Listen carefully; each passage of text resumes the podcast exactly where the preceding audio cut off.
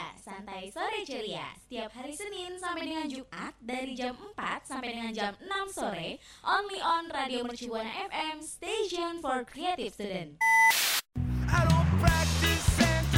Santeria, Santai Sore Ceria will be airing on Radio Mercubuana FM, station for creative student. Radio Mercu Buana Station for Creative Student. Halo rekan Buana, selamat sore. Selamat datang di Santeria Kuman Bareng Nadia dan juga Antika. Bener banget rekan Buana Yang pastinya kalau udah ketemu gue sama Nadia Kita bakal bahas hmm. nih ya Tentang makanan dan juga minuman Yang kemungkinan belum rekan Buana tahu nih Nah sebelum kita lanjut ke pembahasan nih Nadia ya Kita nggak bakal lupa untuk terus ngingetin ke rekan Buana semua tetap follow sosial media kita baik itu Instagram, Twitter, terus juga Facebook di @radiomercubuana. Dan juga rekan Buana juga harus mampir-mampir nih karena kan kita juga udah mulai ada streaming yang uh, waktunya itu dari jam 12 sampai jam 4 sore. Yang pastinya ada di www.radiomercubuana.com dan satu lagi ya Nadia ya. Kalau misalnya uh, rekan Buana semua mau tetap dengar suara kita boleh banget mampir ke Spotify Radio Mercubuana Radio Mercubuana Station for Creative Student Hai hai hai rekan Buana. Nih tadi kan kita udah ngomongin tentang pastinya bakal banyak banget informasi terkait makanan dan minuman kalau udah ada gue dan juga Nadia. Betul, nah kita tuh mau ngomongin makanan yang ada di Indonesia tapi yang ekstrim-ekstrim nih. Karena yang kita tahu ya kalau di Indonesia itu adalah surganya wisata kuliner dari Sabang sampai Merauke ada di sini. Terus juga dari makanan yang biasa sampai makanan yang luar biasa kayak makanan ekstrim ini nih Tika. Karena tadi kita seru banget ya Tik berbincang-bincang tentang makanan ekstrim yang ada di Indonesia. Ternyata Tika juga suka nih sama salah satunya. Boleh langsung kasih tahu Tik? Bener banget. Boleh banget dong. Yang pertama itu ada belalang goreng nih rekan buana. Siapa sih yang nggak tahu hewan yang adanya tuh biasanya di padi terus juga loncat-loncat iya. ya gak sih Nadia? nah, jadi belalang goreng ini merupakan salah satu makanan ekstrim yang berasal dari Gunung Kidul, Yogyakarta di mana uh, konsumsi belalang goreng ini sudah sejak lama karena warga Gunung Kidul tuh uh, suka gitu dengan rasanya yang renyah, terus juga yang gurih dan juga walaupun ekstrim tetap digemari oleh masyarakat sekitar gitu karena kan uh, proteinnya yang tinggi, terus juga uh, mudah didapat. Kalau daerah pegunungan kan biasanya juga banyak banget nih lahan-lahan untuk menanam padi. Nah, biasanya uh, masyarakat uh, daerah tuh sering mengonsumsi yang namanya belalang goreng ini. Tapi rekan Buana harus tahu, walaupun banyak kandungan protein tinggi, belalang juga kerap menyebabkan alergi gatal-gatal. Oleh karenanya, buat rekan Buana semua mau yang mau coba konsumsi nih, boleh banget hati-hati terus dicek dulu apakah rekan Buana alergi atau tidak gitu. Oh gitu, jadi boleh nyobain tapi jangan banyak-banyak ya rekan Buana untuk tahu kalau misalnya rekan Buana tuh alergi atau enggak sih makan dari belalang goreng ini. Benar. Gitu. Nah selanjutnya, nah, selanjutnya ada apa nih Nadia? Iya, jadi selanjutnya itu ada makanan paniki. Jadi orang Minahasa memiliki makanan ekstrim juga nih namanya paniki. Jadi paniki ini adalah kelelawar pemakan buah yang dimakan orang-orang Minahasa ini. Kenapa sih yang di yang dipilih tuh uh, kelelawar pemakan buah? Karena uh, tubuh dari uh, kelelawar pemakan buah ini lebih besar dari kelelawar lainnya. Dan kalau misalnya rekan buana pengen cobain uh, makanan kelelawar ini biasanya paling enak kalau disantap dengan sup nih jadi caranya tuh biasanya kelelawarnya tuh dibakar dulu terus dihilangin tuh bulu-bulunya baru dimasak dengan santan dan bumbu-bumbu seperti bawang merah bawang putih, cabai, serai dan lain-lainnya. Jadi orang-orang uh, Minahasa tuh sangat suka banget sama makanan paniki ini. Tapi bukan cuman orang-orang dari suku Minahasa aja. Mm-hmm. Ternyata orang-orang yang berada di Gunung Kidul, Yogyakarta juga suka sama makanan paniki ini. Wih, seru banget tuh rekan Buana. Boleh banget nih coba-cobain makanan ekstrim yang ada di beberapa daerah nih. Nah, nggak iya. cuman itu loh rekan Buana, ada juga nih tikus bakar. Kalau misalnya kita lihat tikus beneran aja kadang-kadang suka rada takut Mm-mm. bahkan sampai loncat-loncat ya kita ya Nat, ya. Heeh, menjerit-jerit histeris gitu ya. Iya, nah makanan yang satu ini itu merupakan makanan yang berasal dari Sulawesi Utara, tepatnya di daerah Minahasa juga nih, sama seperti sebelumnya. Di mana kalau misalnya rekan buana mau tahu makanan tikus bakar ini merupakan eh, salah satu hewan yang termasuk dalam hama, eh, terus juga pengganggu gitu kalau misalnya untuk beberapa jenis tumbuhan. Nah, tapi di Minahasa ini tuh dikonsumsi karena konon tikus bas tikus basah kan tuh jadinya saya rada kelibet ya. tikus basah ya. Habis berenang Iya. tikusnya. Eh, jadi karena tikus bakar ini kononnya tuh sangat disukai karena mengalahkan popularitas rasa daging sapi tuh Nat. Percaya kan nih? Hmm, percaya nggak ya? Tapi kayaknya popul- popularitas sapi di Indonesia itu kan sangat tinggi ya, sangat digemari. Tapi masa iya sih tikus bakar bisa mengalahkan popularitas dari daging sapi? Wah menarik sih. Wih, boleh banget makanya dicobain nih karena kalau misalnya eh eh, tikus itu kan biasanya kita lihat adanya di got, Got, terus kayak iya. tempat-tempat yang kotor gitu. Nah, Mm-mm. kalau misalnya ini adalah termasuk tikus hutan yang eh, nggak terpapar sama sampah. Jadi mungkin eh, dia juga mengkonsumsinya tuh kayak tumbuh-tumbuhan gitu. Hmm, jadi tikusnya lebih sehat ya? Bener, lebih sehat daripada yang makan ya. Oh iya bener. Nah itu dia tadi tikus bakar. Nah selanjutnya nih ada ulat sagu nih rekan buana. Biasanya kalau ngomongin sagu udah pasti eh pikirannya langsung ke Papua gitu ya. Tapi benar emang ulat sagu ini adalah makanan dari khas Papua. Nah tapi rekan buana kalau misalnya ke Papua itu rekan buana bisa ambil sendiri ulat sagunya dari pohon-pohon yang ada di hutan rimba. Tapi kalau ulat sagu itu nggak ada di pohon-pohon yang masih hidup nih rekan buana. Biasanya Mhm. ulat sagu ini adanya di pohon-pohon yang udah eh, batangnya tuh ditebang terus membusuk baru ada ulat sagu. Kalau orang Papua itu makannya eh, secara mentah-mentah loh rekan buana kayak masih eh, hidup uget-uget gitu. Aduh, Uget-uget bayanginnya ya. merinding ya. Tapi kalau misalnya rekan buana mau nyobain ulat sagu ini, tenang aja rekan buana, ulat sagu ini masih bisa dimasak dulu baru dikonsumsi. Jadi rekan buana nggak perlu khawatir kalau mau nyobain ulat sagu ini. Dan makanan ini juga mengandung gizi dan protein untuk tubuh kita juga. Wih, seru tuh rekan Buana. Jadi kalau misalnya kita mau makan si ulat sagu ini bisa sambil berpetualang ya Nat ya, karena kan tempatnya jauh juga nih. Betul. Jadi kita sambil menyelinap ke hutan-hutan gitu. Bener.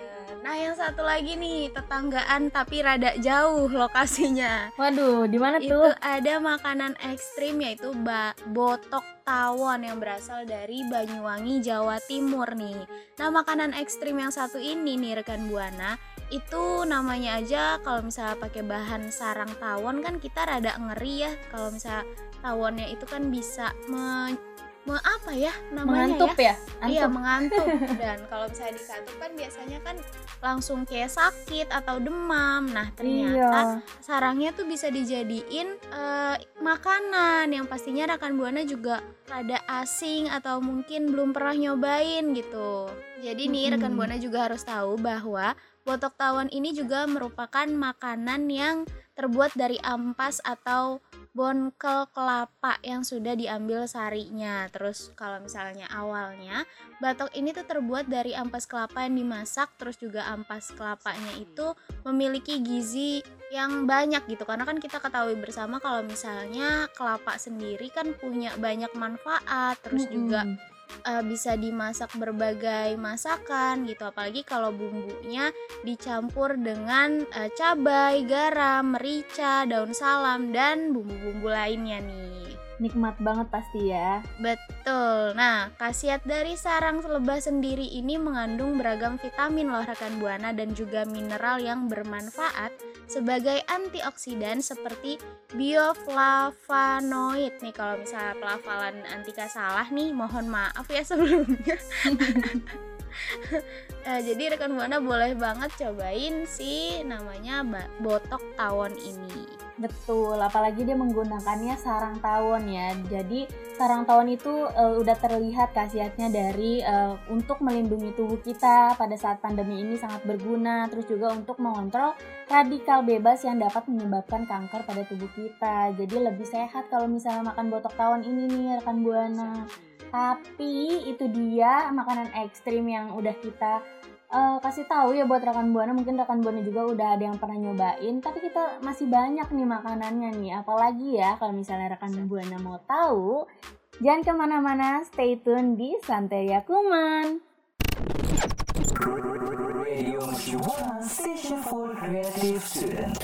Rekan Buana masih di sini nggak bareng sama Nadia dan Antika dan juga dalam segmen yang paling ditunggu-tunggu. Ditunggu-tunggu nggak ya? Tunggu dong.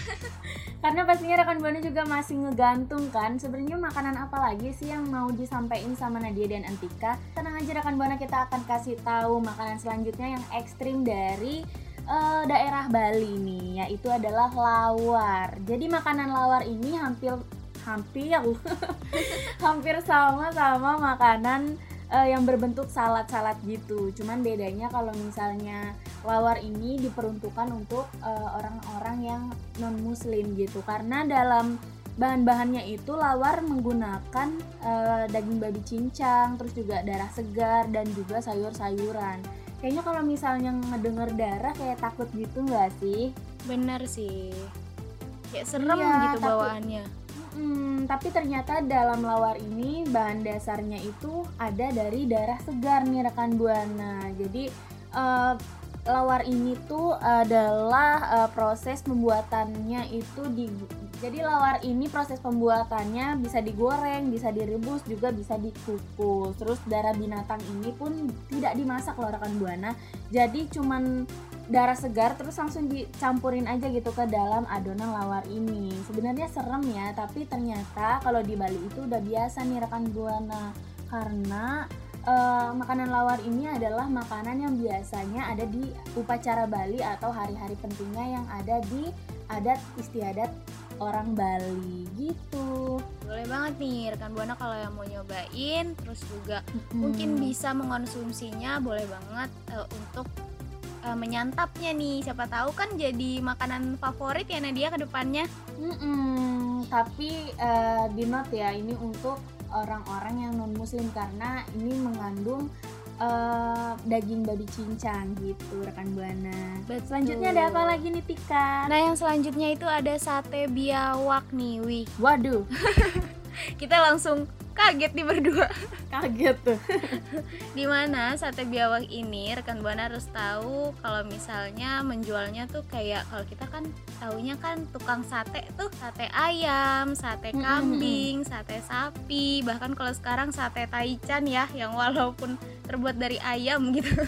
Iya, cuma nah, namanya doang dibedain. Mm-mm. Nah, jadi sate biawak ini merupakan salah satu makanan ekstrim yang berasal dari uh, Jawa Timur. Terus makanan ini tuh udah termasuk makanan sehari-hari nih. Karena pun biawak itu diketahui sebagai salah satu hewan yang uh, berfungsi untuk mengobati pengobatan alternatif. Terus juga hmm. konon daging biawak itu dipercaya dapat menyembuhkan berbagai penyakit parah. Salah satunya untuk penyakit kulit gatal-gatal, kutu air, terus kulit pecah-pecah serta alergi. Nah, makanya uh, walaupun kita rada asing gitu, tapi ternyata ada sate lain selain uh, sate ayam, sapi dan juga kambing yaitu sate biawak. Wah, biawak. Temen gua ya. nah, selanjutnya nih ada empedu kobra nih rekan Buana. Biasanya kalau empedu itu kan pasti kalau misalnya kita beli ikan itu empedunya diambil untuk dibuang ya. Mm-hmm. karena empedu itu kan rasanya pahit rekan buana. Ternyata kalau kobra itu malahan kalau diambil kalau ditangkap ularnya itu yang diambil daging dan juga empedunya. Jadi empedunya ini juga bisa dimakan oleh manusia-manusia uh, yang penasaran gimana sih rasanya empedu kobra gitu. Dan juga ternyata empedu kobra ini memiliki khasiat juga loh untuk menyembuhkan penyakit kulit, terus juga gatal-gatal, bahkan juga yang jerawatan nih bisa makan empedu kobra untuk mengobati jerawat-jerawat dari rekan buana. Nah, kalau misalnya rekan buana uh, main ke Sera, nah kalau misalnya rekan buana main nih ke Semarang terus uh, pengen nyobain daging kobranya atau empedu kobra, rekan buana bisa langsung datang ke gedung Papa Kota Lama atau di daerah Stadion Diponegoro. Jadi untuk satu ekor kobranya itu harganya mulai dari 100 ribu rupiah. Rekan buana bisa do bisa nyobain dagingnya rekan buana juga bisa nyobain empedunya. Kalau ini sih ekstrim banget ya Nat ya? Ekstrim banget karena kan kobra yang kita tahu adalah ular yang sangat mematikan ya. Benar. Nah yang satu ini nih nggak kalah ekstrim dari ular tadi di mana ada makanan ekstrim lainnya yang berasal dari Indonesia nih yang tepatnya ada di konsumsi ada di uh, daerah Manado di mana makanan-makanan ini tuh sering banget dikonsumsi oleh masyarakat Sulawesi Utara yaitu otak monyet atau kera panggang. Sebenarnya kalau misalnya kita uh, lihat-lihat gitu rada kasihan ya nanti ya sebenarnya sama kera atau mungkin hewannya tersebut tapi karena di sana mungkin uh, uh, sudah jadi ciri khasnya gitu. Nah makanya ada makanan ekstrim di mana mereka tuh suka banget konsumsi otak monyet dan juga kera panggang. Terus juga uh, makanan-makanan ini tuh sudah ada dan berasal dari kebudayaan Tiongkok nih sejak era dinasti Ying dahulunya. Nah makanya karena udah turun temurun. Terus juga kayak misalnya kalau ada perayaan-perayaan besar mungkin makanan ini selalu disajikan makanya sampai sekarang masih bisa ditemukan yaitu otak monyet dan kera panggang ini. Aduh benar-benar unik-unik banget gak sih makanan-makanan ini? Bener udah unik terus ekstrim terus juga kayaknya kalau mau makan mikir-mikir dulu nggak sih? Makan nggak makan nggak makan nggak? Karena kan kita nggak terbiasa untuk makan makanan yang seperti itu. Tapi kalau misalnya rasa penasarannya lebih tinggi daripada rasa takut boleh banget dicoba nih rekan buana. Benar-benar apalagi kan kalau misalnya anak-anak kayak kita kan rada asing dengan makanan-makanan kayak gini terus jiwa pengen taunya jiwa ingin punya banyak pengalaman makan makanan hal-hal yang aneh-anehnya kan banyak ya Nat ya? Hmm. boleh banget nih kalau misalnya pun rekan buana sendiri mau nyoba atau mungkin mau sharing-sharing nih ke kita boleh langsung aja cerita-cerita dan mention ke twitter kita di @radiomercubuana dan jangan lupa pakai hashtagnya apa Nadia? Santeria Kuman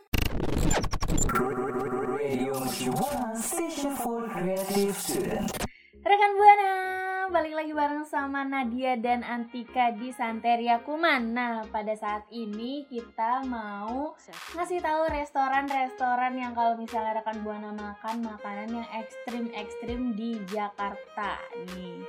Yang pertama ada restoran King Cobra rekan Buana dan walaupun namanya restoran King Cobra, ternyata restoran ini juga nggak cuman jual makanan yang berasal dari King Cobra aja. Ternyata juga dia menjual makanan yang ekstrim lainnya. Kayak biawak, ada tokek juga, ada buaya juga rekan buana. Kalau misalnya rekan buana ke sono, takutnya rekan buana ketemu sama mantan rekan buana ya. ada buaya soalnya bisa rekan buana ke sana jangan sendiri. Bisa ajak teman-teman rekan buana bisa ajak pasangannya rekan buana ke sana untuk nyobain gimana sih pengalamannya makan makanan yang ekstrim itu. Dan ternyata uh, makanan ini juga bukan semata-mata makan makanan yang ekstrim doang kayak penasaran doang. Ternyata makanan ini juga memiliki khasiat yang bagus untuk tubuh kita juga rekan buana. Kalau misalnya rekan buana mau, mau nyobain nih langsung aja datang ke Jalan Mangga Besar nomor langsung aja datang ke Jalan Mangga Besar RT 15 RW 1 Tangki Taman Sari Jakarta Pusat. Wih nah rekan buana nggak cuman hanya itu loh. Kalau tadi Nadia punya restoran King Cobra hmm. kalau Tika punya restoran Bang Joni nih. Bang Joni Aduh, jangan dilanjut jangan, dong. Jangan. Nah, kalau tadi kan udah ketahuan nih dari nama restorannya itu aja udah menamakan bahwa ih ekstrim banget ya ternyata. Hmm. Nah, kalau yang ini Restoran Bang Joni itu merupakan salah satu restoran yang menjual uh, makanan berbahan dasar kuda nih. Wah, kan ada lagi ada nih Nadia nih. Rada rada ini ya bukan ekstrim tapi kita kurang mungkin kurang tahu Kurang ya tahu. sebelumnya karena kan kita taunya kuda kan biasanya buat Iya, delman buat ya. kita tum- tunggangi ya. Iya benar. Nah yang satu ini merupakan Nah yang satu ini tuh merupakan restoran dengan bahan dasar kuda Jadi kalau misalnya rekan Buana penasaran dan juga mau banget Boleh banget nih kunjungi si restoran Bang Joni ini Terus juga eh, kuda sendiri atau makanan yang terbuat dari bahan dasar kuda itu rasanya mirip-mirip sama daging kambing nih ternyata Namun aromanya itu nggak sekuat daging kambing Nah kira-kira rekan Buana semua minat nggak ya buat nyobain atau penasaran segimana atau seenak apa sih rasanya? Boleh banget nih kunjungi restorannya itu yang berletak di Jalan Raya Pondok Gede nomor 27. Betul rekan Buana. Nah selanjutnya juga ada restoran Manado Tinor. Nah makanan ini tuh eh, restorannya ini menyediakan makanan yaitu paniki. Tadi kan udah dikasih tahu ya paniki itu apa. Jadi paniki adalah makanan yang berbahan dasar dari kalelawar eh, pemakan buah gitu. Nah restoran-restoran yang menyediakan kelelawar itu tuh sangat sedikit dan sangat sulit untuk dicari. Makanya itu rekan buana kalau misalnya mengunjungi tempat-tempat atau restoran yang menyediakan makanan kelelawar ini, rekan buana pasti udah mendapatkan pengalaman yang sebegitu apanya ya langkanya gitu nggak semua orang bisa mendapatkan atau merasakan makanan ini kalau misalnya rekan buana pengen nyobain dan mendapatkan pengalamannya rekan buana bisa aja langsung datang ke Jalan Gondang Dia Lama nomor 33A Cikini Menteng Jakarta Pusat Betul. Nah, selanjutnya nih ada restoran King Cobra House. Kalau tadi di awal ada restoran King Hmm. Cobra, sekarang ada house-nya Hmm, nih. berarti rumahnya King Cobra ya Benar. Nah, rekan Buana juga kalau misalnya penasaran nih, jadi restoran King Cobra House ini itu menyediakan daging ular, terus juga biawak, bahkan buaya. Pastinya ngeri-ngeri abis kan. Hmm. Terus juga kalau misalnya kalau makan kebayang-bayang nggak sih kita sama bentuk eh, asli si hewannya gitu, buasnya kayak apa, tapi udah nyampe ke mulut bahkan ke perut gitu. Tapi gimana ya, rasa penasarannya kadang suka lebih tinggi jadinya mau seserem apa kalau misalnya udah pengen ya pengen pasti dimakan dan itu eh, Benar. orang-orang yang seperti itu akan beruntung karena mendapatkan pengalaman-pengalaman baru. Kalau misalnya rekan buana mau datang ke tempat-tempat restoran yang tadi boleh banget. Atau mungkin rekan buana juga udah ada nih yang pernah datang dan nyobain. Boleh juga langsung cerita ke kita mention ke twitter kita di @radiomercubuana dengan hashtagnya Santeria Kuman. Radio Mercubuana Station for Creative Student. Oke rekan buana ternyata kita udah di akhir siaran aja nih rekan buana. Tapi dari tadi kita kan udah nemenin rekan buana ya sambil ngebahas makanan-makanan yang ekstrim-ekstrim banget dari khas daerahnya masing-masing. Dan juga kita udah ngasih tahu kalau di Jakarta juga punya restoran yang memiliki makanan ekstrim-ekstrim ini. Jadi rekan buana bisa langsung aja kunjungi tempat-tempat tersebut untuk gimana sih rasanya nyobain makanan-makanan yang ekstrim-ekstrim tersebut gitu ya. Nah, tapi sebelum itu nih ada pesan-pesan dari Tika nih. Betul tuh nih pesan-pesan dari gue nih ya rekan buana tuh harus banget eh, tetap eh, follow juga terus kunjungi sosial media kita karena kan banyak informasi-informasi terus juga rekan buana bisa cerita-cerita nih melalui sosial media kita baik itu Instagram, Twitter, juga Facebook di @radiomercubuana dan juga eh, kayak di awal tadi gue tetap ngingetin ke rekan buana semua karena kita udah mulai streaming waktunya itu dari jam 12 sampai jam 4 sore di eh, tentunya di website terbaru Radio Mercubuana yaitu di www.radiomercubuana.com dan satu lagi yang nggak pernah lupa kalau misalnya rekan buana tetap mau dengerin suara gue sama Nadia tetap kunjungi Spotify Radio Mercubuana. Oke karena waktunya pamit undur suara. Gue Nadia pamit undur suara. dan gue Antika pamit undur suara. See you rekan See you buana. rekan buana. Terima kasih kamu udah dengerin Santeria, Santai Sore Ceria.